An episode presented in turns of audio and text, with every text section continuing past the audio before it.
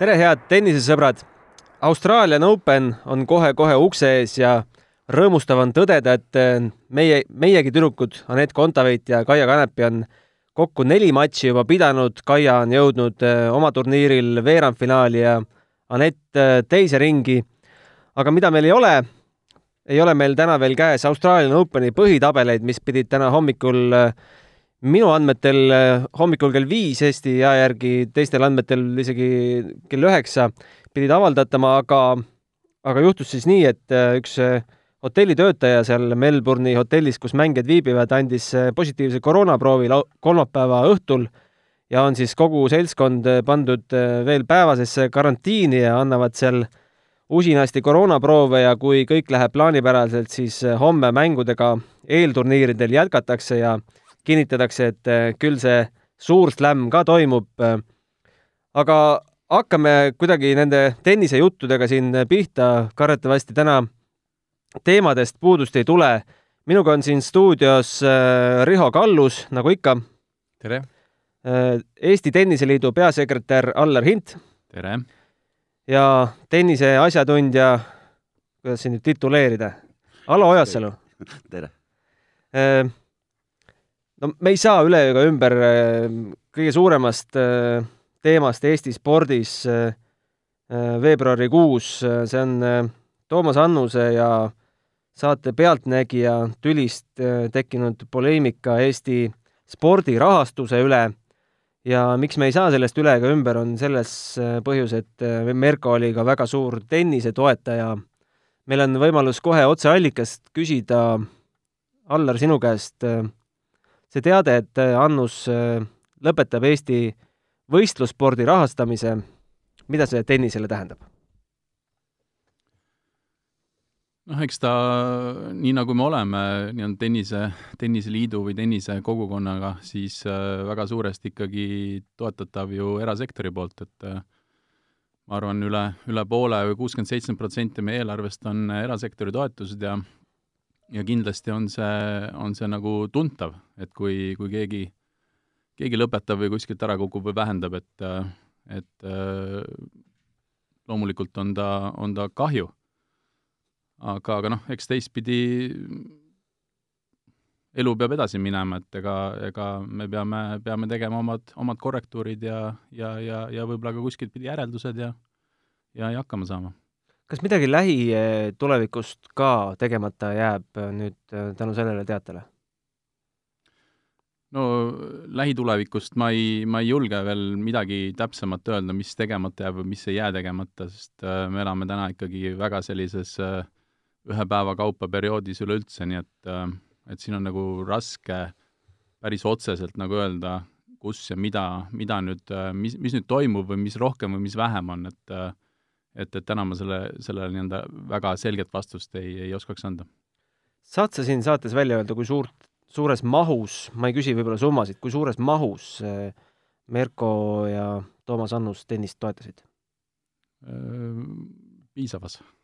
et äh, ma ei, äh, ma ei, ma ei räägiks täna summadest või ma ei, ma ei taha kommenteerida summasid, et need on, need on lepingujärgsed summad ja, ja, ja nii-öelda noh, kuigi nii-öelda kokkuleppelised summad, et et, et ega meil ka ju reaalselt äh, veel lepingud selleks aastaks allkirjastatud ei olnud mm. -hmm.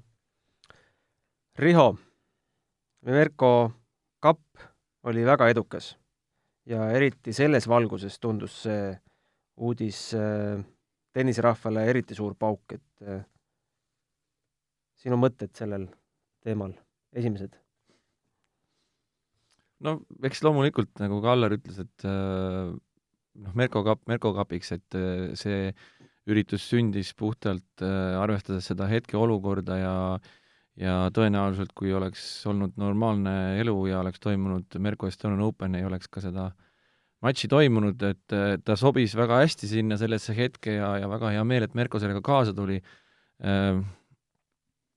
Noh, väga suure tõenäosusega ühekordne asi, asi ta oli ja ja see sai tehtud, et ähm, mul on selle üle tõesti väga hea meel, aga pigem, pigem jah, ega õnnetu on, õnnetud on need spordialaliidud, kellega, kellega Merkol on pikemaajaline koostöö olnud ja ja kes, kes, kes selle tõttu kannatavad, et noh, ma kahtlemata julgen arvata, et, et sellises mahus sponsorit Eesti spordis leida no ülimalt-ülimalt keeruline, et, ähm, et see saab olema väga-väga raske kõikidel nendel alaliitudel. Alar, kuidas sulle tundub, kuidas me sellesse olukorda sattusime? et nüüd äh, mitmed alaliidud ja spordialad ikkagi on käsi pikal juba teiste sponsorite suunas ilmselt või üldse vaatavad, kuidas, kuidas hakkama saada?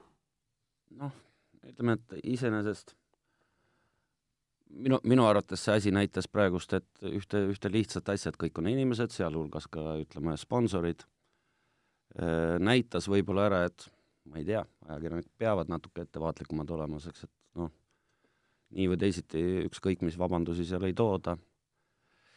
pealtnägija pealkiri oli see, mis põhiliselt vist Toomas Annus solvas ja, ja, ja pärast sisus midagi öelda, vabandada, muuta, noh, pole väga mõtet. Äh, kahju on tehtud ja, ja, ja kahju on suur, ütleme Eesti spordi mõistes, noh.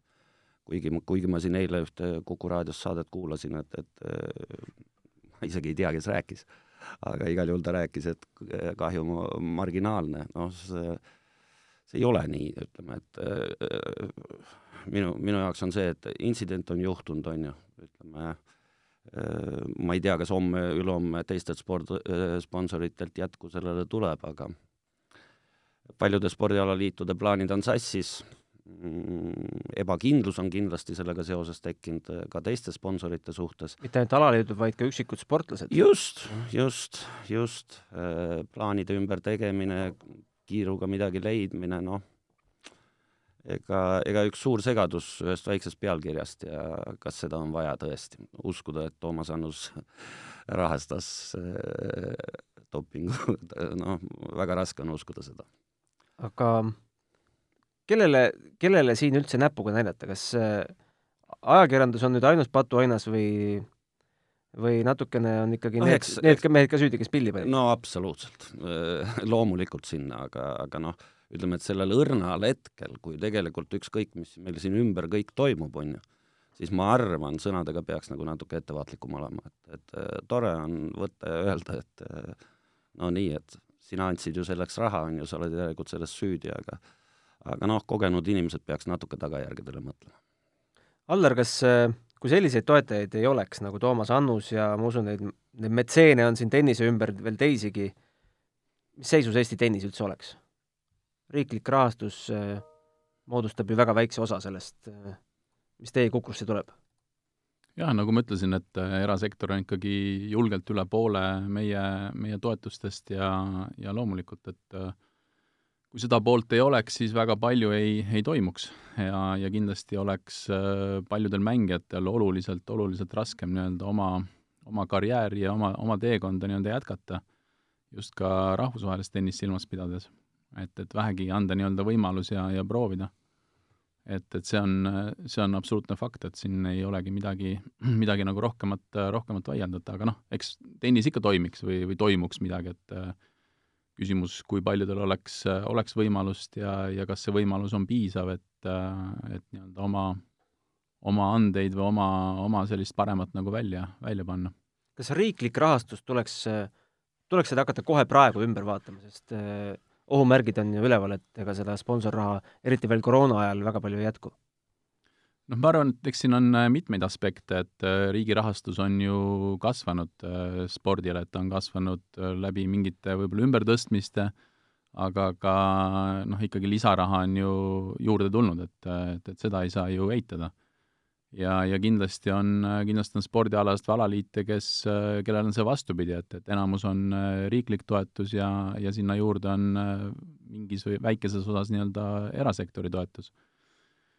et eks, eks me tennisega peame ka nagu järjest rohkem ja rohkem mõtlema, vaatama, et kuidas me saame seda riiklikku rahastust tõsta läbi, läbi ka enda tegevuste, et loomulikult tulemus on üks punkt, mis, mis kindlasti maksab tänasel, tänasel päeval ma olen väga õnnelik, et äh, täna, täna enam ei vaadata ainult nii-öelda äh, mingisuguseid maailmameistri- või Euroopa meistrivõistlustiitleid, mis puudutab tennist, et ka Grand Slamid on reaalsed, reaalsed tulemus, tulemuskohad nii-öelda või, või kohad, mida arvestatakse, et see on, kõik on läinud tegelikult, kui vaadata nagu mingisugust ajalugu, on, on oluliselt paremaks läinud, et et noh, see, selles suhtes, selles suhtes läheb nagu paremaks, kuid loomulikult on see, et, et kui me täna ikkagi räägime sellisest äh, a la sellisest kuuskümmend, nelikümmend ja seitsekümmend, kolmkümmend tasakaalust tennise mõistes erasektori poole, siis siis äh, me oleme haavatavad.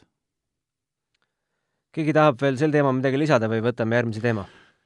ma tahaksin lisada võib-olla seda, mis, mis, mis võib-olla on, on kõige, kõige raskem kõikidele nende inimeste jaoks, kes, kes tihtipeale puhtalt puhtast südamest seda tööd teevad, aitavad sportlasi või üritavad toetajaid leida, et äh, paraku on kurb, kurb see, et iga kord, kui, kui jälle tuleb üks uus pealkiri kakskümmend, kümme aastat tagasi juhtunud sündmustest äh, suusatamisega, siis iga kord võetakse väike tükike kogu Eesti spordimainest ja, ja see, ja see teeb selle olukorra kõikide jaoks keerulisemaks, et äh, tore oleks, kui see sõjakirves ükskord maha maetakse ja need asjad äh, saaks lõplikult selgeks, et see on, see on kurb. aga Riho, sa saad ju aru, et me ei saa seda teemat ennem maha panna, kui meil ei ole kõik selge?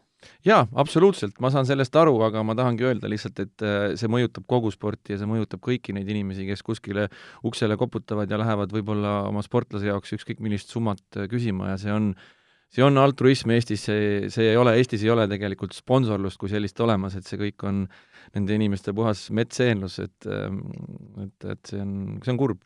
No viimasel, viimastel päevadel on läinud fookus nüüd rohkem sinna, et kas sponsorlepingutes peaks rohkem seda mainekahju punkti ja seda nii-öelda jutumärkides dopingupunkti ka sees olema, et vastasel, et saab sind, ma ei tea, kohtusse kaevata, rahad tagasi nõuda Ena,. enamasti see ju on. enamasti ongi, jaa. aga ütleme, võtame sellel juhtumil, noh, ütleme, et kui tegemist on tavalise sportlasega, kes põhimõtteliselt elab, noh, elabki sellest toetusest, mis ta saab, on ju, talt nagu midagi tagasi nõuda ilmselt ei ole, noh, kui, kui noh, tont teab muidugi võib-olla kes kõrval on karjääri jooksul kõvasti pannud, siis võib-olla ka on, aga see on keeruline ja see jälle pikendab seda agooniat tõenäoliselt pressis ja igal pool ja kas see on positiivne, ma ei tea, ma ei ole kindel. kas üldiselt tennises on ka see punkt äh, aktuaalne? ega tennis ei ole ju dopingust samuti puhas? absoluutselt, et, äh, et eks seal on ka omad pahed ja, ja kindlasti selline punkt peab, peab lepingus sees olema ja ma arvan, see on täiesti loogiline ja normaalne, kui see seal on, et et, et kõik peavad ikkagi teadma ja väga selgelt teadma, mis, mis, millega nad mängivad nii-öelda. igatahes äh, ma arvan, et laiemas avalikkuses see teema, seda teemat veel kedratakse edasi ja ja näis, mis see lõpptulemus siis ikkagi on. Lähme Austraalian Openi juurde. meil peaks siin laual olema praegu tabeli, tabelilehed, neli lehekülge mehed-naised, aga aga meil seda ei ole, sest see lükati päeva võrra edasi. ma küsin kõigepealt nagu üldmulje, et kuidas teile see, ma ei taha öelda tõmblemine, aga kuidas see üle, natukene ikkagi on minu arust üle paisutatud nende reeglitega seal Austraalias mis selles mõttes on mõistetavad, et kui teil tõesti ei ole kolmkümmend päeva ühtegi positiivset juhtumit Victoria osariigis olnud, siis eh, jah, tulebki ettevaatlikult võtta, aga kuidas, kuidas teile tundub, et nad selle korraldamise ja karantiinidega üldse on hakkama saanud? no minu jaoks kõige kummalisem muidugi tundub, tundub see, et, et mängijatega on ju väga-väga karmilt eh, ümber käidud, praktiliselt pool Austraalia Openi tabelit on kaks nädalat vangis istunud ja ja siis selgub, et, et kuskil hotellis üks kokatädi saab ikkagi tagaukse kaudu väljas käia, et et see on nagu äärmiselt kurb ja kogu, kogu see seltskond äh, selle pärast kannatab, et äh, ma just eeldan, et sellel personalil peaks siis ju veel eriti karmid reeglid olema, kui, kui mängijatega nii, nii karmilt ringi käiakse. aga huvitav on, huvitav on näha, mis hakkab siis Austraalia Openi ajal toimuma, kui sarnane asi juhtub, kas siis ka pannakse üritus kinni ja oodatakse kaks-kolm päeva, et, et see võib päris pikalt kesta, see turniir. no ma olen kindel, et ütleme, et äh, Austraalia lahtise suhtes võib olla mingeid, noh esiteks ma olen kindel, et ta toimub.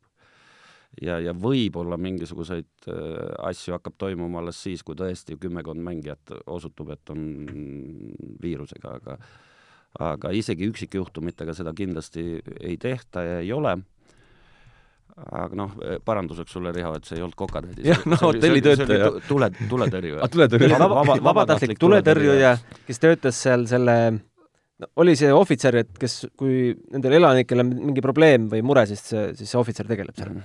jah, aga minu, minu jaoks jääb mõistmatuks, kuidas ta oma vahetuse jooksul äh, sai olla viiesaja inimesega lähikontaktis, on ju, et see tundub nagu natuke naljakas, on ju. Aga no ükskõik, ma saan aru, et tänase päeva jooksul need äh, koroonatestid tulevad ja homme tõenäoliselt turniir jätkub, ütleme noh, me jällegi ei tea. loodetavasti kõigile jätkub. Loodetavasti kõigile jätkub, aga, aga noh, kindlasti on üle pingutatud mingite asjadega ja, ja, ja eriti kui, eriti just vaadata seda, kui kuu aega ei ole olnud ühtegi koroonajuhtumit sealt. Ja, ja lõppu, noh, jah, mina ütlen, et suured rahad on mängus ja viimane hetk hädapidurit tõmmata tundub peaaegu võimatu mm. -hmm ma olen selles suhtes Alaga nõus, et äh, ma olen enam kui kindel, et see turniir toimub ühtmoodi või teistmoodi, et äh,, et, et ikkagi äh, just, et suured rahad on mängus ja, ja mängijad on juba sinna toodud ja küll siis leitakse ka lahendus, et, et asi nagu lõpuni viia, et et noh, kas ta, ma arvan, et mõte või idee algselt oli ju väga õilis, et tuuakse lennukitega kohale, viis tundi päeval vabadust, ülejäänud aeg istud toas. aga siis hakkas juhtuma, kui esimene lennuk maandus? et, et mis sellest nagu välja tuli, et, et kas see, kas see reaktsioon on nüüd mõistlik, ei ole mõistlik, et äh, noh, jõle karm ikka vaadates mängijate poolt ka või vaatad sama, sama neti poolt, kus sa oled neliteist päeva seal toas kinni, noh, mis, mis mängija või mis sportlane sinust järgi on? Paraku telepilt äh, näitab midagi muud. Et väga head sportlased on järgi. sellest me jaa, aga noh, ma arvan, et, ma arvan, et tegelikult äh, jah, et kui me sinna jõuame ka, et seda on päris huvitav vaadata, äh, selline vangis olevat sportlast ja, ja vaba, vabakäiguvangina olevat sportlast, et et kes seal lõpuks nagu võitjana välja tuleb, et, et kindlasti on seal nii-öelda vangisportlaste hulgas neid, kes on väga-väga näljased ja, ja, ja mängivad oma parimat tennist, et neil on suht-koht selline noh, nii-öelda juba mängunälg. mängunälg ühest küljest, teisest küljest ah, lähen ja panen, on ju, et et eks seda on, seda on näha. ma teen natukene Delfi spordiportaalile ka reklaami, et just äh, vahetult enne saadet sai siis üles Indrek Tustiti muljed seal hetkel toimuvast, et äh, Tustit siis vahendas uudist et, et kaheksakümmend protsenti testidest oli siis äh, umbes tund või kaks tehtud ja need olid siis õnneks negatiivsed. ja ajakava tuli ka välja, see ajakava siin saate jooksul veel täpsustan, Kaial oli kuues mäng, ma ei mäleta, Anetil oli äkki teine mäng ja kell kaks öösel hakkavad mängud, et eh, noh, täna me oleme siin puha, puhanud nägude, nägudega, et täna öösel saime magada, aga homsest läheb jälle pull pihta. aga tuleme siis eh, Kaia ja Aneti mängude juurde. eile olid mõlemad võistlustules, Kontaveit alistas ameeriklanna Christina McHale'i kuus-üks, kuus-kolm, Kaia Kanepi natukene hiljem Darja Kasatkina seitse-viis kuus-üks, Kaia siis nii-öelda jutumärkides vabakäiguvang ja Anett äh, pääses täielikust vangistusest äh,, ütles, et reede õhtul äh, enne südaööd lasti nad siis välja ja laupäeva pärastlõunal said väljakule, reede õhtul ta vist postitas ise ka Instagrami, et jõudis seal korraks seal linna pealgi käia. Kummast mängijast me alustame, Kaia on rohkem mänginud, räägime võib-olla Kaiast mängib veerandfinaalis, ootab teda ees Karoliina Muhova, aga alistanud on juba Astra Sharma ja eriti magusa skalbi tosin skalpi siis äh, top kümme mängijate vastu on võtnud äh, meie Kaia ja Arina Sabalenka hetkel maailma seitsmes reket. mis mulje teil Kanepi hetkel jätab? Mulle ausalt öeldes päris pika aja jooksul kõige parema ja võimsama mulje. Nii no ma vaatasin kõike kolme mänge, et noh, väikseid kõikumisi seal oli, aga Kaia on võimas, tundub väga enesekindel, füüsiliselt väga heas vormis, liigub suurepäraselt, ütleme, et need, igas mängus on olnud selline moment, kui Kaia oma mootori täiesti tööle saab, on ju, noh, ütleme, et okei okay,, me keegi ei tea seal Sabalenkaga, kui esimene game oleks läinud teistpidi otsustavas, et mis oleks juhtunud aga, aga eilses mängus oli Kaial selline pisikene moon viiest kahest viie viieni, aga peale seda teine käik jälle sisse ja, ja, ja ja, ja mind just hämmastab, kui, millist tempot ta nagu suudab hoida, on ju. olemine positiivne, noh, okei okay,, see Kaia kalapilk alati on olnud, aga, aga praegust on ta positiivne kalapilk. ei, peale mängu on ta pressikonverentsidel alati väga heatujuline. ei, seda küll, aga ma räägin mängust. ja aga, aga noh, ütleme, et äh, noh, super vaatepilt, mis teleka vahendusel vähemalt kohale jõuab. mulle tundub nii. Aller, mis mõtted sul on? No ma arvan, nii nagu, nii nagu me Kaia kohta oleme siin, äh, ma arvan, mitmeid kordi ja, ja vaata, et iga kord nagu vähemalt mina olen, mina olen teda vaadanud ja, ja, ja, ja noh, ikkagi jälle ja jälle nii-öelda imestan, et et ta on, ta on füüsiliselt vormis, ta on, ta on äh, mänguliselt väga hea, jah, neid kõikumisi tuleb sisse, kuid neid kõikumisi tuleb, tuleb, tuleb, ütleme, kõigile sisse aga, aga võib-olla ka noh, täna, täna nagu vaadata, et äh, võib-olla see, kes ta oli selline mingi, mingi periood või selline kümme aastat tagasi natukene ka noh, mingisugust pinget ta suutis nagu iseendale peale panna, siis täna neid pingeid ei, ei ole ja mitte kuskilt ei, ei ole ka näha neid, et, et ta on, ta on vaba, ta on, ta on lõbus, ta on, ta on, nagu sa ütled ka, et pressikonverentsil ka nii-öelda suhtlemas et see, see näitab, et ta, et ta tegelikult on, on nautimas tegelikult seda perioodi, mis tal on, et jumal teab, palju seda perioodi veel järgi on või palju ta ise tahab, et seda järgi oleks, kuid fakt on see, et ta, et ta naudib seda, et, et ta on, ta on valmis sõitma maailma teise, teise otsa, ta ise ütles, et ta, ta tuli siia võistlema, ta tahab mängida, ta on näljane, ta on vähem mänginud, eks ole, võib-olla nii nagu, nii nagu enamus mängijaid küll praegu, kuid äh, jumal teab, kaua see, kaua see asi nagu niimoodi kestab, et äh, noh, kindlasti Muhova homme on, on natukene võib-olla ka teistsugune vastane või, või talle tuleb veel, veel nii-öelda järjepidevamalt neid äh, oma mängu nii-öelda peale suruda, et ta on et kas Natkina võib-olla ongi selline ka natukene, natukene pehmem, eks ole, nagu ta ise ütles ka, et mängutempo ei olnud päris see, siis Muhova puhul äh, on sellist sitkust ja mängutempot seal ka, et, et, et seal tuleb, tuleb veel võib-olla ka kolmandat käiku kasutada vähemalt mingi periood mängust aga Riho, sinu juurde, oled sa nõus, et äh, Kaia on äh, juba sellel teel turniirilt saanud selle, mis tal vaja on, mängukindlus, äh, kolm mängu all,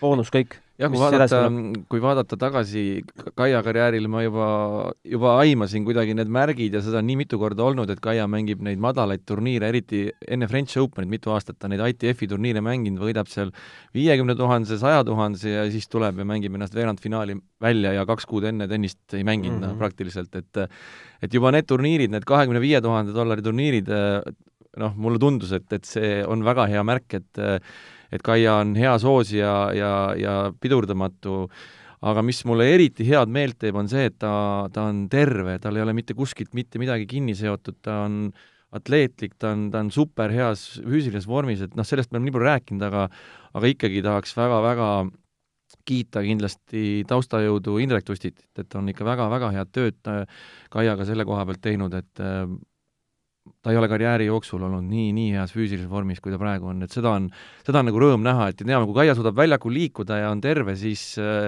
siis ta on kõigile väga-väga raske vastane.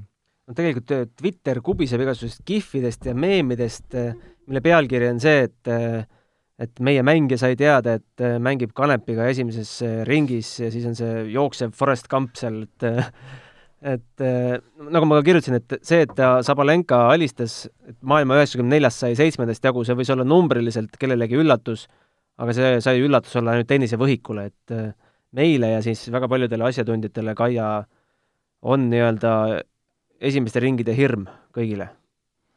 no mitte ainult esimeste ringide, ütleme, et äh, kui Riho tõi siin näiteks, et hea märk on see, kui Kaia mängib neid väikseid turniire ja hästi palju ja ma, ma just tahtsin tuua paralleeli vastupidiselt ühe teise, ühe ennem US Openi, eh, kus, kus meil oli viimane kord Kaiat rõõm näha Eestis turniiril, eks, kui ta Pärnus mängis. mängis Merko Openit, jah. kolm või neli geimi kaotas turniiri peale, aga siis ta mängis ka palju neid väikseid ja tundub, et Kaial on see vajalik, saada neid väikseid, saada palju matše ja tollel aastal mängis ühe oma selles mõttes edukama US Openi takkaotsa, ütleme otse noh, Eestist tulles, et peaaegu et tuli kvalist vist ja jõudis veerandisse, kui ma ei eksi.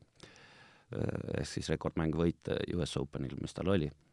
aga tundub, et ta on praegust samasuguses selles ja ütleme, et kui sa ütlesid, et teistel oli suureks üllatuseks, et Kaia võitis, siis te-, tenniseringkonnal ei ole. ja eriti, kui sa kuulad, need Grand Slamid hakkavad need saated ette siia, ütleme, et isegi see match point äh,, game set ja match Jah, kuulad jah. siis tegelikult Kaia mängusid alati arutatakse ja seal jah, nagu sa ütlesid, et bad luck on ju, et Mhm. et äh, Kaia sai, tähendab, Haalep või keegi sai endale Kaia esimeses ringis või asjad ja nii edasi.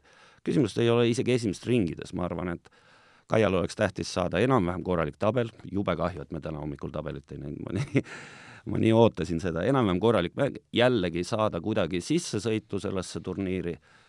Ja siis arvestades täna äh, tennise seisu, ma ütlen veel kord, et äh, tuleb naiste osas kindlasti üks aegade huvitavamaid Grand Slam'e ja ka meeste osas, kas uus põlvkond teeb seda või ei tee. aga Sabalenka mängust rääkides, kuus-üks, kaks-kuus, kuus-üks, no sellised, äh, on öeldud, et klassikalised Kaia numbrid äh, äh, seinast seina mängu seal pakuti, aga ikkagi, kuidas, kuidas teile Sabalenka selles mängus tundus? Tu- tuletame meelde, et viisteist mängu eelnevalt oli võitnud ja kolm turniiri järjest. ma arvan, Sabalenka on ka hästi selline huvitav mängija nagu, kes, kes kui saab sellisesse heasse tsooni, siis ta on, ta on võimeline ikka loputama ja läheb ka suhteliselt sellise kalapilguga, et et ja, ja heas mõttes kalapilguga ka või sellise väga enesekindla pilguga ja väga, väga julgelt mängib ja, ja teeb, et aga aga noh, ma arvan, siin oli ikkagi ka väga palju jah, võib-olla seal game siia-sinna oleks mingit mängu muutnud, kuid, kuid ma arvan ikkagi, mulle tundub, et Kaia oli see, kes, kes nii-öelda selle sammu tegi, et nii-öelda enda mäng, enda mäng peale suruda või enda mäng nagu, või mäng enda poole keerata. et, et sa võid seal seti nii-öelda palle korjata, kuid kuid ikkagi see, kes võidab kaks setti, võidab mängu, et et ma arvan, et see oli see suhteliselt võrdset heitlus, eks ole, et, et ma arvan ka väga tugevad servijad mõlemad. väga tugevad ja, ja hästi nagu võib-olla ka sarnased, sarnased mängijad natukene mingis, mingis võtmes, aga aga eks see, eks see mängutuju äravõtmine ka ühe-kahe punktiga game'iga seal, seal lõpupoole ja, ja, ja enda mäng keerata, keerata enda kasuks, et et nagu me tennises räägime, et, et äh, tähtis on võita viimane punkt, aga, aga mängus on ka väga tähtsad sellised nii-öelda momentumid, kus sa, kus sa pead ja, ja ma arvan, Kaial oli see momentum tema käes. Mis ma öelda tahaks selle mängu kohta, et kuigi need numbrid näitavad kuus-üks, kaks-kuus, kuus-üks, siis tegelikult see nii ei olnud, ega, ega Kaia teist settigi halvasti ei mänginud, lihtsalt Sabalenka mängis täitsa oma tipptennist. Ja ja, ja ja ega Sabalenkal ka kuskil ei toimunud mingit murdumist, on ju, tegelikult käiski selline võimas löögimäng, kus oli noh, õnneks tähtsamaid punkte võitis meie mängija ja, ja, ja nagu Allar ütles, viimane punkt loeb. Alo, sa ütlesid selle kohta kalapilk äh, no Delfi TV-s ei ole väga palju Kaia mänge näidatud, sest ta noh, WTA turniiridel on äh, vähem mänginud ka net. Äh, mulle see kalapilk nagu täiega meeldib. no mulle ka meeldib, sellepärast et ütleme, viimases mängus oli üks game, mis noh, ütleme, et Kaia alustas seda game'i esimeses setis viie-kolme pealt, kui kaotas oma servi, on ju.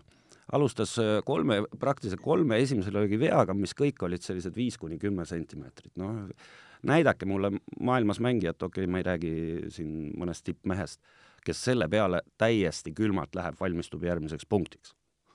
noh, ei ole kusjuures Kaia nagu väga hea esituse ja järsku tuleb kolm esimese löögi unforced error'sid oma servist, mis on nagu hästi-hästi oluline, on ju. aga mulle meeldis, mis sellele jätk-, kuigi tuli viis-viis, peale seda oli käiguvahetus ja äh, kaheksa geimi lõu-, ei, sorry, seitse geimi järjest, et äh, ja, ja seal oli tegelikult ka situatsioon, see oli ju neli-kaks oli Kaia serv, kui kolmkümmend tasaseisult oli selline no natukene, ma ütleks, aimatav topeltviga tuli Kaiale ja, ja ta siiski võitis selle game'i ja läks viis-kaks ette, mis oli ka ülioluline game. jah, just, et ei lase nagu ebaõnnestumistest absoluutselt ennast häirida, see on, see on natukene, mis Anetil ka tänu noorusele võib-olla, võib-olla on ja ka Kaial oli see, aga täna Kaial seda ei ole. ja, ja absoluutselt kahele-kolmele lihtveale võib järgneva vaimustavat kolm game'i, on ju, noh, see on nagu see on see, kui sa püsid selles tsoonis, vigu teevad kõik absoluutselt, Nadal kunagi ütle-, mitte kunagi, nüüd alles mm -hmm. natuke aega tagasi ütles, et temast sai hea mängija, kui ta sai aru, et vead on okei okay.. et ta on piisavalt kehv mängija, et teha vigu mm. -hmm. nii kui ta sellest aru sai, sai temast hea mängija, noh, noh naljakas jutt tundub, aga need olid tema sõnad.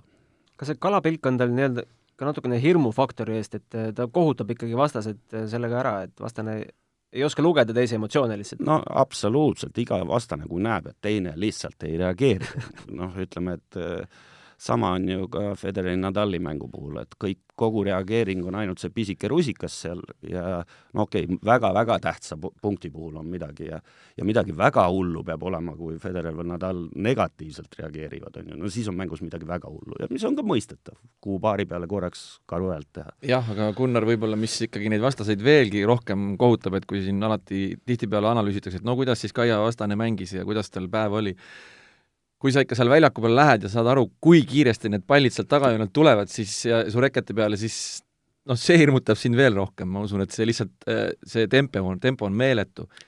ja seda oli eriti hästi näha Kasatkina mängus, kus praktiliselt enamikud punktid lõppesid ühtemoodi. Kasat-, Kasatkina äh, praktiliselt pidi kõiki Kaia palle ette arvama. ja inglise keeles on selline väljend nagu wrong rooted, on ju, et äh, punktid lõppesid alati see, et ühel hetkel Kasatkina arvas valesti, noh, aegluubis oli seda eriti näha, kus ta oma split-step'i tegi nagu valel ajal. Ja siis see pall tuleb nii võimsalt, et kui ta ei arva seda ette, pole mitte mingit šanssu ka saada kätte, väga palju Kasatkina isegi ei jooksnud nende pallide järgi, sest see pall oli ammu seinas. mul tuleb meelde, kas see oli kaks tuhat kolmteist, kui Kaia jõudis Wimbledonis veerandfinaali ja mängis seal Lisitski vastu, siis teel sinna ta minu arust kas teises või kolmandas ringis alistas Alison Riski. ma kutsusin Alison Riski ka sinna intervjuuruumi ta oli hoolimata kaotusest väga heatujuline, ütles, et ta sai paari esimese geimi jooksul aru, et tal pole seal midagi teha. See võib tekkida, Kaia kindlasti on maailmas üks tugevamaid lööjaid. no kuule, seda on öelnud ka meie oma poisid, kes Kaiaga sparringupartnerid on, et tagajoonelt Kaiaga lüües ikka need pallid tulevad tihti kiiremini kui poistega omavahel mängides, et see lihtsalt tempo on nii meeletu Kaia löögid on väga nagu rasked, eks no, ole, hevi selline, et, et, et, et tulevad et, oma, oma kiirusega ja, ja vint on ka veel seal peal, et et, et sa võib-olla telepildis ei saagi seda niimoodi aru, aga kui sa seal väljaku peal oled ja pead neid palle tagasi mängima, siis see on midagi muud, noh. noh, telepildis saad selle järgi aru, et teatud löögi peale lihtsalt vastase ja. jalad isegi ei nõksata, et minna, et noh, pole mõtet, see pall on läinud juba mm. -hmm. no Kaia puhul see küsimus paratamatult jääb, et äh, kuna me ei tea, mis, mis, mis kohad tal täpsemalt need kõige nõrgemad tänapäeval on, et tal on siin õlad ja kannad ja igasugused asjad, et et kui nüüd äh, iga päev peab mängima nüüd äh, võib-olla homsest alates, äh, kui hästi läheb, siis kaks mängu päevas, et et noh, me ei saa selle pik-, üle vist pikalt arutada, et me lihtsalt, lihtsalt ei tea, kuidas need mängud tulevad, kui pikad need tulevad, kui rasked, et äh, see kõik no, sõltub ju. seda ma ütlesingi, et äh, oleks vaja tabelit mm. -hmm. ütleme, et oleks vaja tabelit, et Kaia saaks üks-kaks lihtsamat mängu, arvestades, et nüüd see nädal oli ka mitmeid mänge, on ju. aga ärme unustame, et Grand Slamil hakkavad mängud üle päeva et äh, naistel on see, ütleme täpselt, noh, meestel on küll viiesetised ja see puhkus võib-olla ongi ekstra vajalik, aga naistel seda pole vajalikku mm, -hmm. et, et selles suhtes see annab sellises mõnusas rütmis mängimise ja ja noh, loodetavasti, kui Kaia peaks pühapäeval finaali mängima, siis esmaspäevaks noh, ehk ei panta. tõenäoliselt mitte. tõenäoliselt mitte mängu kuigi ajalugu teab teist, Jarko ükskord mängis pühapäeval finaali ja esmaspäeval esimese mänguna tuli Austraalias just välja niimoodi, et mhm. austraallased on kummalised, kuna nad elavad maailma seal teisel poolel, on ju aga mõtlevad teistpidi? mõtlevad kuidagi teistpidi vahest. jaa, tal vetsupotis vesi liigub ka teistpidi. Äh, seda vist on testitud, vist, vist isegi ei liikunud ma, ma seda proovisin muuseas, äh, kus ma olin, Aust-, jaa, Brasiilias proovisin, see ei liikunud. kraanikaus liikus teistpidi, sama pidi sama pidi nagu meil mis kell sa tuppa tulid aa, et kella see on peale kuute kohe se. sellist testi tegid. okei okay. no aga meil on tegelikult teine mängija ka veel, äh, Anett Kontaveit, maailma kahekümne kolmas number hetkel ja siis Austraalia Openil on tal kahekümne esimene asendus, kui ma ei eksi. Äh, alistas Christina McHale'i kuus-üks, kuus-kolm, numbriliselt ikka väga ühepoolne mäng, kuigi ka seal oli, oli neid pikemaid geime ka.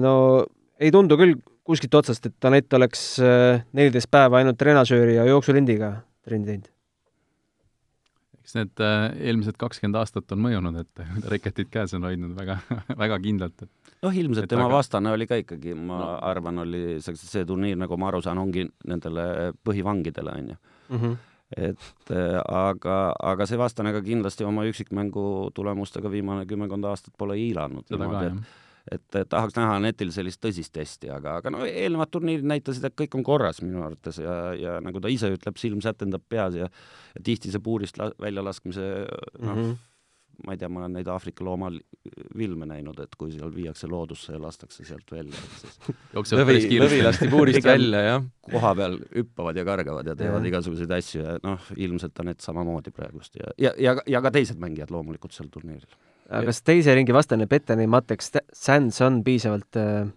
nii-öelda proovile panev vastane? ei ole ma tahtsin just sedasama asja öelda, et kui ma eile va hakkasin vaatama seda Aneti mängu alguses, siis äh, mul oli natuke kogu aeg selline hirm, et igalt poolt sa lööd nii kõvasti eeskäega tagakäega, no ainult vajutad, vajutad, kas sa suudad seda nagu kontrollida ka. aga mida Game edasi vaatasid, et aga näed, kontrollib ka veel täpselt, kuhu see pall läheb, et, et mul, mulle täpselt selline tunne, see lõvipuurist väljapääsemise tunne, et, et no niimoodi tahtis neid palle peksta kogu aeg. aga, aga, aga jah, et sai väga hästi selle kontrollimisega ka hakkama, aga jah, selles mõttes ma olen nõus Aloga, et et, et see ei olnud veel vastane, kes oleks teda piisavalt proovile pannud. Ja testinud jah, kuigi äh, McHale oli, oli iseenesest äh, võitles kogu matši ja, ja andis endast absoluutselt maksimumi, sõltumata sellest, milline see skoor parajasti oli, et, et äh, enda kohta mängis väga hea mängu tegelikult minu arust. noh, ilmselt igaüks praegust nendest tahab olla iga, võimalikult rohkem minuteid väljakul ja võimalikult rohkem punkte mängida ja ja ilmselt selle turniiri eesmärk ongi kõigil teine natukene juba, täna me oleme, mis päev, neljapäev, eks ilmselt, ilmselt kõik ikkagi mõtlevad rohkem esmaspäeva peale. jah, see on nii, kui Kaia puhul võib-olla me, me tahaksime, et ta tuleks sealt väga kiiresti väljaku pealt ära, nii-öelda võidukalt, siis Anett võiks seal natukene mõni minut kauem, kauem olla, et, et rohkem lööke lüüa. eriti praegu, pärast seda vangistust. üks-kaks mängu kindlasti ja. veel jah, aga eks nende, eks nende väljakul olemist ja, ja, ja kas sul on see paus või ei ole pausi, tihtipeale ikkagi sõltub see ka sellest, et äh, see üks mäng võib, võib sattuda selline, et sa, sa taastud sellest päris pikalt, et kui sul sellist mängu ei tule, siis ei ole probleemi järgmine päev mängima minna, et, et noh, õnneks minu arust ei ole ka Kaial päris sellist matši praegu olnud, mis oleks ta nagu täitsa tühjaks, tühjaks tõmmanud. ja pluss ma arvan, et viimased kolm-neli kuud on olnud kõigil väga põhjalikud ja füüsilised ettevalmistused, et ma ei usu, et see üks-kaks-kolm nädalat tennist kedagi üleüldse siin mingit moodi, noh, meeste lahingud näitavad ka, et otsustavad see seitse-kuus setti ja keegi ei mõtle, et esmaspäeval peab five-settereid mängima, et seal antakse ennast maksimum ja jällegi, kõigil on nii suur mängupuudus, et äh, ma ei kujuta ette, kui sa oled kolm kuud korralikult füüsiliselt ette valmistunud, et äh, mõni raske mäng sind kuskilt rivist välja viib. jah, kui neid tuleb neli-viis tükki järjest, siis ilmselt, aga muidu mitte. Äh, ma võtan siin sõnad sabas kinni, sa mainisid need five-setterid, et äh, ma kuulasin ise, ühte podcast'i siin enne, kui see, see koroon, see karantiinipull siin üldse lahti läks nendel esimestel päevadel, siis äh, pandi üles selline ettepanek, et äkki tuleks meestemängud ka kolme peale tuua mis te sellest arvate? mina eelmine nädal kuulsin, ma nüüd ei mäleta, keegi naistippmängijatest ütles, et naiste mängud tuleks viie seti peale viia.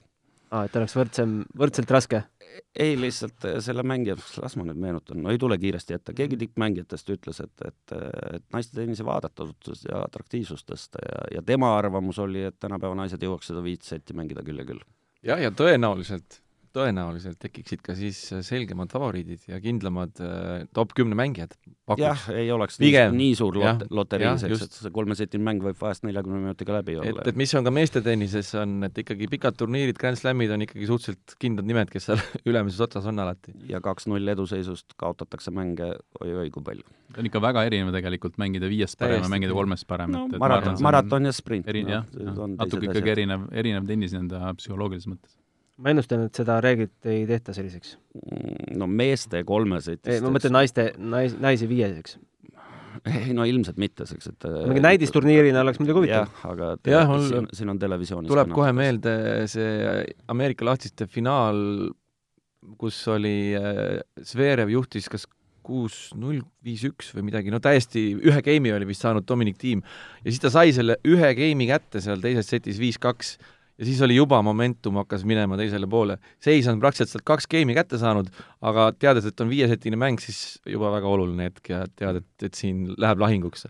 ja need on, on põhjused, teine... just, just sellised mängud on põhjused, miks ma elu sees ei usu, et meeste viiesetiseid ära muudetakse, et noh, see, see on see, mis paneb selle inimese sinna teleka taha istuma. aga mis te arvate sellisest ettepanekust, et et ikkagi natukene lühemaks saada, viies, viienda seti asemel teha kümnepunktine kiirlõppmäng? ma, mina absoluutselt ei nokiks neid asju, ma isegi ei mäleta enam, milline see reegel, mis Austraalia Openil nüüd on, viies sett, mis tiebreak, kui palju, mis, ma ei mäleta, kümneni otsustav see pikk, mis seisu pealt, no need on juba, kõikidel Grand Slamid on erinevad, no see, see, see on ma, ma ausalt öeldes olen isegi segaduses. ma praegu mõtlen ka, et kas seal oli nüüd pikem tiebreak või kus on pikem tiebreak, Ameerikas või Austraalias? Ja Austraalias. Austraalias, Ameerikas on ikkagi seitsmeni. Ameerikas on seitsmeni, seal on ju kümneni, eks ju. et, et noh, juba need reeglid inimestel, kes on tennise juures, lähevad meelest ära, et kõige, see on kõige naljakam no. selle juures Wimbledoni kaksteist, kaksteist. jah, no täpselt, no No okei okay, miks see on nüüd 12, meeles, eks ju, 12, et no. tänu sellele ühele huvitavale mängule seal jäi meelde. aga, aga jah, et, et ma pooldaks ka pigem seda, et see, mida vähem neid kogu aeg muudetakse, seda, seda parem tennisele tegelikult. Ei, ega seda ühe guugeldamisega ei leia ka, et no täpselt, siis ei tea vist, isegi. vist oli match tiebreak, kui ma ei eksi. jah, seal on Kümneni, kuue- kümneni. kuue kuue pealt kümneni. jah, kuue kuue pealt kümneni on Austraalias jah, täpselt, et, et, et kõikidel Grand Slamidel erinev. jah, Jah. nii ta on. aga igaüks teeb oma reeglid ja nagu, nagu näha, siis tehakse ka karantiinireeglid. aga julgete praegu üldse ennustada kas või meestest, et kes, keda me näeme kahe ja poole nädala pärast äh, seda karikat üles tõstmas või kas või naistest? no mina tegin eile isegi kihlveo, ütleme, tuntud tenniseeksperdi Märt Kivirähkuga. et mõlemad panime kaks hobust ja, ja siis vaatame, kes ja no Kivirähku, vana konservatiiv, pani vanale põlvkonnale, mina panin uuele põlvkonnale, ehk me pidime valima kaks mängijat, Kivirähk valis Djokovic Nadali ja mina valisin, noh, kuna vene mängijad mulle on sümpaatsed mm, -hmm. Siis Medvedev, Rublev, kaua mõtlesin teist Medvedevis, ma olen peaaegu kindel, et sel aastal ta tõuseb maailma esireketiks. no Medvedev oleks kindla peale minek, ta on hetkel, vaatasin ka ühte kihlveoportaali, oli seal teisel kohal Djokovic'i järel, Djokovic'il kaks kolmkümmend viis, Medvedevil viis viiskümmend koefitsient. Rubljoviga võidaksid natuke rohkem, kolmkümmend üks koma null. nojah, ütleme, et Rublevil tõenäoliselt ei ole niisugust Grand Slami kogemust veel, aga on, küll aga on mäng, mis on veel ja eks seal teisigi huvitavaid tegelasi on, noh, nii Zverev, Tsitsipas, et äh, mina usun, kui ma selle aasta kohta teeksin ennustuse, siis see aasta on tõenäoliselt, noh, Nadal tõenäoliselt võtab Roland Garrosi jälle oma, aga Wimbledoni jagavad Djokovic, Federer ja kaks hardcore'i turniiri läheb kellelegi siiski noorest põlvkonnast. ma ei tea, kui noored nad enam on, kakskümmend kolm, neli, noh, see on ka juba tänu, see suur kolmik on teinud niimoodi, et need saavad vanad. kõige naljakam, et tiimi kohta öeldi, et noore põlvkonna mängija võitis, aga oleme ausad, on kakskümmend seitse, on ju Mhm. noh, selles, kümme aastat tagasi selles vanuses loobuti, on ju. Jah, Björn Borg oli kahekümne kuue aastaselt lõpetas tennise. lõpetas tennise, olles, võit, olles võitnud üksteist Grand jah, Slami. nüüd noormees lõpeta-, võitis esimese et see on, see on nagu naljakas ja see suur kolmik on teinud selle noh, mõnes, mõnes mõttes kihvti asja, et me elame sellisel ajal ja näha sellist pulli, no sellist kolmeteist Grand Slami võitu, noh, ühel, noh, see, mis Nadal Roland Garros teeb ja ma usun, et veel jätkuvalt paar aastat teeb, noh, see, see, see, see on lihtsalt mõistuse vastane.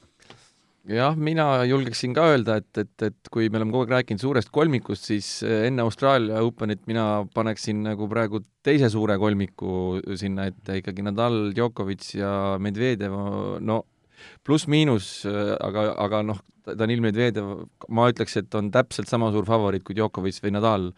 noh, Nadal võib-olla natukene vähem, aga, aga no praktiliselt need mehed oleks siis nagu eraldi klubi ja siis, siis võiks teiste meestega, siis oleks terve punt äh, seal võib-olla selline viis-kuus meest, kes on potentsiaalselt võimelised võib-olla üllatama midagi, aga aga Riho, minu arust Nadal istub eh, hetkel ATP kapil pingil. Jah, vot seda ma ei tea. tal on eh, seljaga probleeme no vot, et see on, see on loomulikult tõsine, tõsine asi, kui, kui, kui on, kui on mingid probleemid see on nende tervisega. vanakest häda praegu. jah, see on, see on nagu teine asi. sa oled ise samas vanuses, no kas ka juba vaatad? jah, aga see on aitäh, Alo, aitäh! jah, aga see on ka ku- kummaline vanak, et me oleme seda vanakest näinud küll kinni teibitud ja, ja katkisena ja viiesetist matšit ta võtab ikka ära need oma asjad, et, et ta on ju no, korduvalt no, no, seda mitte küll teinud. hardcourtidel. Jah, mitte küll hardcourtidel mäletame võib-olla. siin Vavrinkaga ühte finaali Austraaliast ja kui ikka Nadalil mingisugune asi üles ütleb, ta on küll nii suur džentelmen ja sportlane, et ta väliselt ei näita seda välja, aga noh, mängib lõpuni alati, eks ole, jah. aga, aga, aga siis ta kindlasti favoriit ei ole, kus tal midagi viga on. jah, tuleb äh, meelde, kui äh, kommenteerisime aastalõpu Masters turniiri finaali Dominic Tiimi ja Danil Medvedjeviga vahel, kus äh, kommentaatorina oli meil kõrval ka Toomas Leius, siis Toomas Leius ütles ka väga julge, julge nii-öelda statement'i, et, et kui, kui seda koroonapulli poleks olnud, siis tema arvas ka, et Danil Medvedjev oleks juba maailma esireket no ilmselt ta selle aasta jooksul, mul ka äh, endal selline mõte oli, noh, ma neid ametlikke kihlvedusid ei tee, aga mm, -hmm. aga mhm. siin pakuti Medvedjevi peale mulle maailma esireketi kihlvedud ja mina usun, et hiljemalt juulis-augustis võtsid vastu? võtsin vastu kihlveo ja juulis-augustis ma usun, on ta mis vahel on? Ei, ega ma, ma mängin ei no ma saan aru, et on mingi pudel või kaks või ei, ei, nad on ikka sellised punased rahaküpüürid, et sellised ah. väiksema sorti. mulle meeldis see, et halo, ametlikke kihlvedusid ei sõlmi no see, see, mis need kontorid on, et kes sponsoreerivad tenniseliitu, et, et yeah. ma, ma seal ei mängi. aga see Pahv? Jah, see üks, üks teine, teine ka mingi Olipet või, või mingi selline. seda me ei tea aga kui, kui, kui rääkida sellest nii-öelda teisest ešelonist, kuhu me võib-olla paneme Tsitsipased, Zverevid, tiimid ja kes seal veel võiks olla tipp, tippudest, siis äh, Kirgios on üsna kõrgel kohal. no kahtlemata Kirgios, aga, aga, aga siis äh, väga huvitav on see, et, et seal on terve, terve plejaad noori mängijaid, kes on äh, nendele meestele väga tõsiselt kannale astumas. ärme unustame Sinnerit no.. ma tahtsingi just see öelda, et see võib haiget teha ükskõik kellele. absoluutselt kõigile, Ugo Umber, prantslane, väga hea mängija, seal on noori ita itaallasi, terve posu, kes on Berettini heas vormis. Sonego tegi siin alles üllatused Djokovic'i vastu, et, et ja kindlasti Hubert Urkats väga heas vormis, siis on see, ütle nüüd see ähm, endise mängija järeltulija. Korda jah, Korda mängis ju super hästi, vigastas küll viimane turniir, aga okei okay,, okei okay,, võib-olla ta ei ole päris, ta on gramm noor mm., aga, aga, aga väga äh, aga tore see... on näha, et terve punt on selliseid noori, kahekümne ühe, kahekümne kolme aastaseid mängumehi, kes ja. on super head mängumehed. teevad vanakeste elu kindlasti väga, väga raskeks. ma, ma olen nõus sellega, et, et mulle meeldib ka väga, et need noored tulevad sealt, kuid äh, ma olen ikkagi selline traditsiooniline ja äh, ja mul on nendest noortest kahju, et ikkagi, ikkagi et vanad ära ei lähe või? et vanad eest ära ei kuku või noh, jõle, jõle tobe, jõle tobe periood, et kus nad, kus nad tennist mängivad, et mingid kolm venda on ikka ees. no üks targem mängija oli Andy Roddick, kes kümme aastat, kümmekond aastat tagasi ütles juba, et ta teisele kohale ei taha mängida, et, et, et kui ei anta esikohta, siis tema loobub. et, et noh, minu hobune ikkagi ütleme noh, kui nimetada üks, siis mm., siis täna, täna ma mitte, et ma tahaks või, või ei tahaks, aga aga Djokovic on natukene, natukene võib-olla grammi võrra eelisseisuses kui, kui nooremad. ja joonekohtunikud on automaatsed? ja joonekohtunikud on automaatsed jah, mis võtab ikkagi, välistab teatud äh, võimalused no,. ja, ja aga sa tead, Gunnar, elektrooni, elektrooniliselt pallipoisid tulevad Austraalia ei, ma täna lugesin just äh, Guardianis artiklit, et kolmsada kaheksakümmend pallipoissi, kes on ennast äh, koolist, peab poppi tegema kuigi ma sain aru, et Ostapenko ei olnud ka nende elektroonilistega väga nõus, et siin mis, oli... mis tal oli no.? kas ma täna mitte mitte Delfist ei lugenud neid või kuskilt mujalt, et et, et ei, aga räägi lahti, ma ise ei tea ei, ei, et ta oli, ta oli ikka vaidlustanud, vaidlustanud elektroonilise joonekohtuniku otsuse no,. kunagi on, kunagi on hea, hea oli see, kui John McEnroe ajal tulid eh, esimesed need elektroonilised servi, servijooned, ma ei tea mm, -hmm. kas te mäletate, käis selline Wimbledonis oli, jah. jah siis McEnroe ütles, et point ei olegi selles, kas sellel elektroonikal on õigus või mitte, mul ei ole võimalust temaga vaielda, see on kõige hullem asi selle asja juures. aga kuule, huvitav, kuidas seda elektroonikat vaidlustatakse, mul tuleb, mul tuleb meelde üks matš, kui äh, Allar Hint istus kunagi Saaremaa Openil pukis ja üks, ma ei mäleta, kes hispaanlane, mängis ja jälg oli väljakul ja siis hakkas vaidlema sinuga, ütles, et nii, ma saadan, teen nüüd pilti sellest jäljest, saadan ITF-i ja siis otsustatakse, kas see on sees või väljas. aga seal ekraani peale tuleb ka ju pilt. pilte tehakse sina ei otsusta midagi seal pukis, et et kuidas see tänase see mäng, see mäng sai läbi, see ei läinud edasi. see mäng sai läbi, jaa. sellel päeval ega järgmisel päeval. aga ta tegi pildi sellest jäljest ja lubas selle ITF-i saata igal juhul, ma mäletan. kuule, neid pilte tehakse Eesti meistrivõistluste esimestel päevadel ka? jah. ei no ikka mängijatest ei, ei, ei teaks, mängija võtab pingilt, võtab telefoni ja teeb joones pilti, ma olen ise näinud. no eks ta selline žestina on tore asi, aga ja võib-olla lõbustab publikut väheke, aga, aga ilmselt sellised pretensioonid kuskil arvesse ei lähe ja ka Kirgios proovis eile musta-valgeks rääkida, aga noh mm,, time violationiga. kuigi naljakas, et Kirgiosel oligi õigus mm, -hmm. oligi, oligi kohtuniku viga ja, ja ta alustas servi ennem kui aeg läbi sai, aga aga ilmselt ikkagi mängud jätkuvad ja neid proteste ei rahuldata ja aga, aga kokkuvõttes sellest minu arvates ekstreemselt huvitav Austraalia lahtised tulevad, nii meestest kui naistest, kui keegi siin võtab mürki praegust, kes naistest võidab Oi. Kui, kui me, kui me, kui me arutame ma arvan, me ei tea seda nime, ärme sellest räägi kui me kui me arutame meestega, ütleme kolmesest grupist ja siis võib-olla kolme-neljasest grupist veel, on ju, siis naiste puhul me peaksime extend ima seda kuskil viiekümne peale ja, ja, ja igasugune ennustus oleks tänamatu absoluutselt, ma isegi pole vaadanud, kes, keda ta on. no sa tegid väga sujuva ülemineku, ma võin teid siis valgustada. esimene on Naomi Osaka, koefitsient kuus koma null, Ashley Barti kaheksa viiskümmend, tuletan meelde, et Barti ei ole pidanud istuma isolatsioonis. kui suur faktor see võib olla üldse? aga Ashley Barti, ma praegu peast ei oska öelda, aga mis ta viimasel ajal teinud on, et ei, ei ole kuulnud eriti suhteliselt kadunud, minu, suhteliselt minu, kadunud on teada pikalt, et, et ma nagu seda mõtlen just, et minu teada ta ei võtnud ka kumbagi Grand Slamist osa US ja, ja et- Roland Garros ja ilmselt tema mängupaus on veel suurem. Ja ma veel kord ütlen, et hullem kui see kahenädalane kuulge, ta on viimati mänginud alles kaks tuhat kakskümmend veebruari lõpp Dohas. noh, no, no seda imeli, seda enam tundub imelik, et ta nii kõrgel seal on, et um, Mm, jah, selliste treeningmatšide põhjal sellist kohvi, aga, aga no seal istuvad targemad inimesed. ja ma oleks sinna pigem praegu võib-olla, võib-olla seda, eksperdid. sedasama Kaia vastast äh, pakkunud pigem sinna. Mhm. sama hästi võib ka. Kaiat, Kaiat ja sinna absoluutselt pakkuda., absoluutselt. ja, ja, ongi julged pakkuda, palju siis raha võidaks? mm, vaat ma ei tea. ohoo, Kaial on tõusnud muuseas, selles mõttes langenud koefitsient, eile vaatasin, ta oli veel viissada üks, nüüd on kakssada üks. aga lugupeetud Ja- ja- kuulajad, pange kõik oma rahad sisse, viimased, Viimane pensionifondid välja kõik ja pange need rahad Kaia mängu peale. mina, mina arvan, et kui keegi mulle oma kontot laenab, siis ma üks kümme euri isegi paneksin Kaia peale. Kontot. lihtne, lihtsa, lihtne. olgu see selge. aga, aga noh, see selleks, et eh, tegelikult asja, asja point on selles, et kui me meestest vaatasime Djokovicil, sa vist ütlesid kaks koma viis või? kaks koma kolmkümmend viis. siis naistest, kui näitab parimale, on alles Kuus. on ju, et see ka näitab, et, et ka rahvusvahelised eksperdid mm. -hmm. saavad aru sellest, et, et sellist eksperti ei ole olemas, kes seda segane. ütleme see siis mitte ei, vist ainult ei sõltu ekspertidest, vaid ka sellest, et kes parasjagu seal panustavad, et äh, mis see Poola tüdruku Äh, koef on? Sviatek või? kaheksateist koma null, Anetil on kuuskümmend üks koma null. okay, põnev. põnev, ei oska midagi öelda, aga, nii see naiste, naiste olukord praegust täna mm. -hmm. ongi, et, et võib-olla esimesed kuusteist paigutust peale teist ringi kõik mängust väljas. Ei imestaks absoluutselt, kui meil oleks jälle uus Grand Slami mingi võitja. koroona no walkover neid on nii palju olnud, et eh, vist juba viimase, ma ei tea, peale seda, kui Serenal siin sünnitused ja asjad hakkasid, kui s- oli saadaval neid esikohti, siis ja Serena enam nii hea ei olnud, siis peale seda igat ennem Grand Slami, noh, kas see Serenal on äh, head võimalused äh, tõusta Margaret Courti kõrvale kahekümne neljakordseks slam'i võitjaks? Absoluutselt iga Grand Slam, Serena on näidanud, et ta on seal kuskil, aga iga Grand Slam ilmub äh, välja keegi noor pommitaja, kes äh, mingis teatud mängus äh, need võimalused ära nullib. Raske uskuda, et Serena suudab äh, võita, aga, aga ta on kindlasti jälle pildil. minu arust ei ole Serena Williams äh, viimastel aegadel olnud väga heas füüsilises vormis, et ta on suhteliselt äh, hädas oma liikumisega ja, ja, ja ka natuke kehakaaluga, et on, on vähe suuremaks läinud.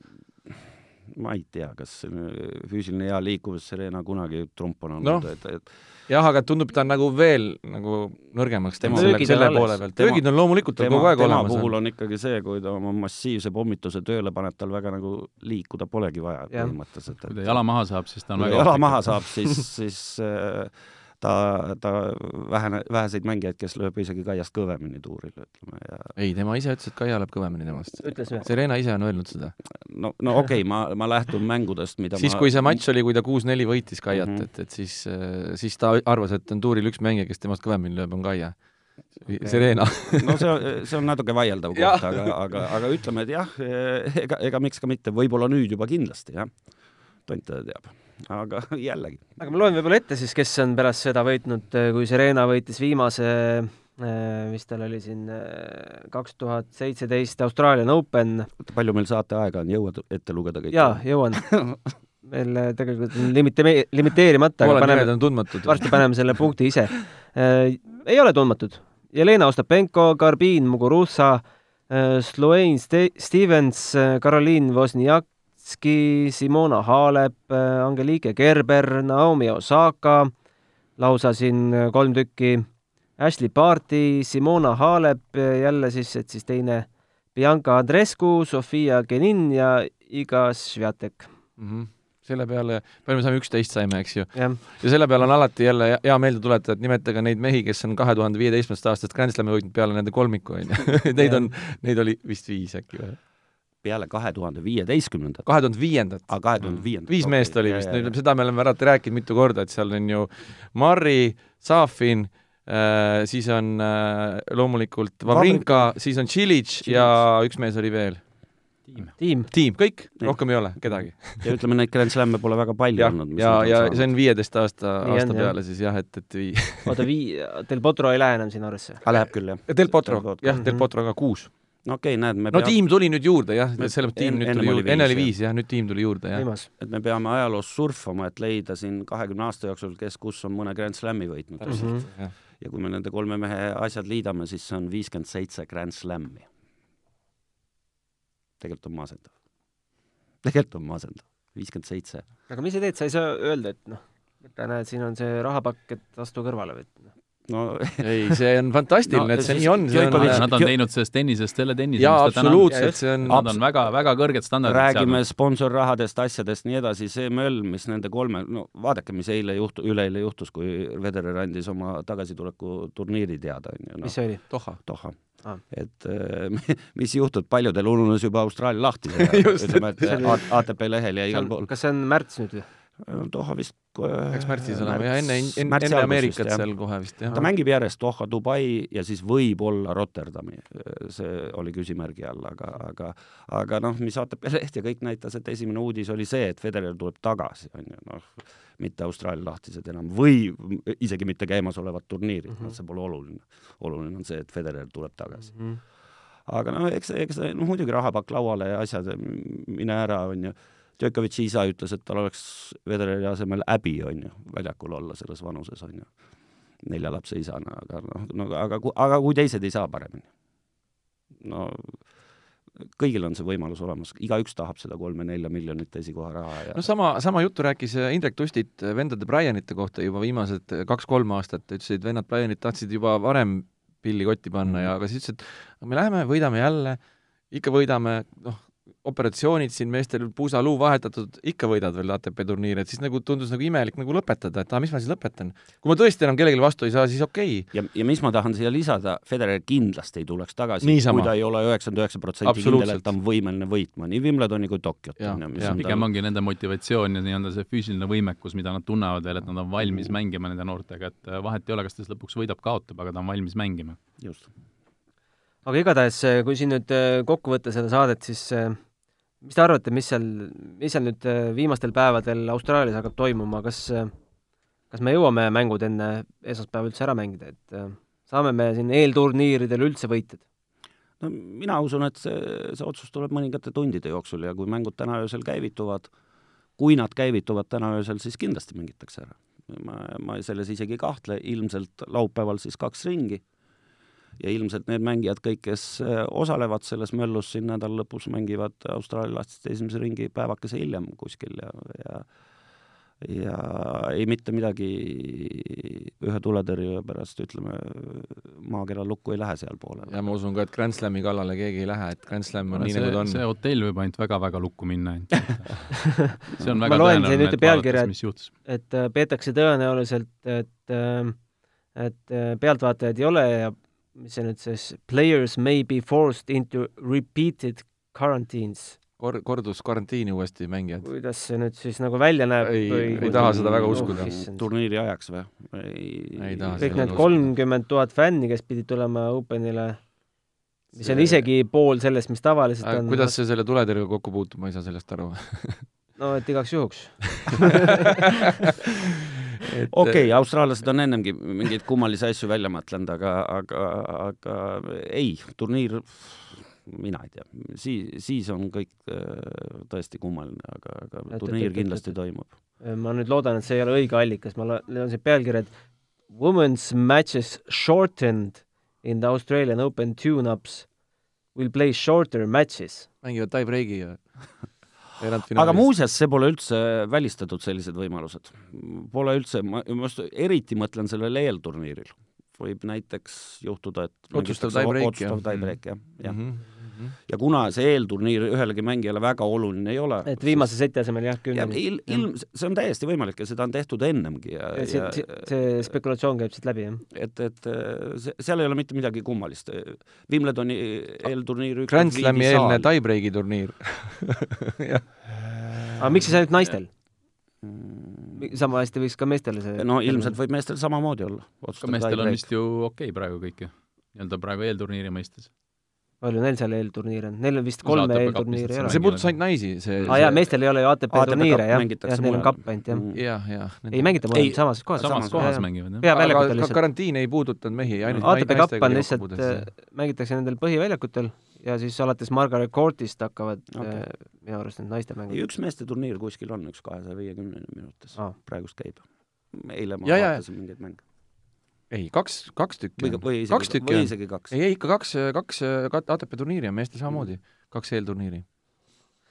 igatahes äh, võtame kokku ja äh, soovitame siis äh, jälgida äh, Delfi uudiseid äh,, mis sellest Austraalia mullist saab ja eeldatavasti siis öösel saame jälle Kaiale ja Anetile kaasa elada, Anetile ennem, Kaiale ilmselt seal hommikupoole, sest kuues mäng ikkagi ikkagi on juba päris äh, normaalsetel äh, hommikutundidel Eesti aja järgi.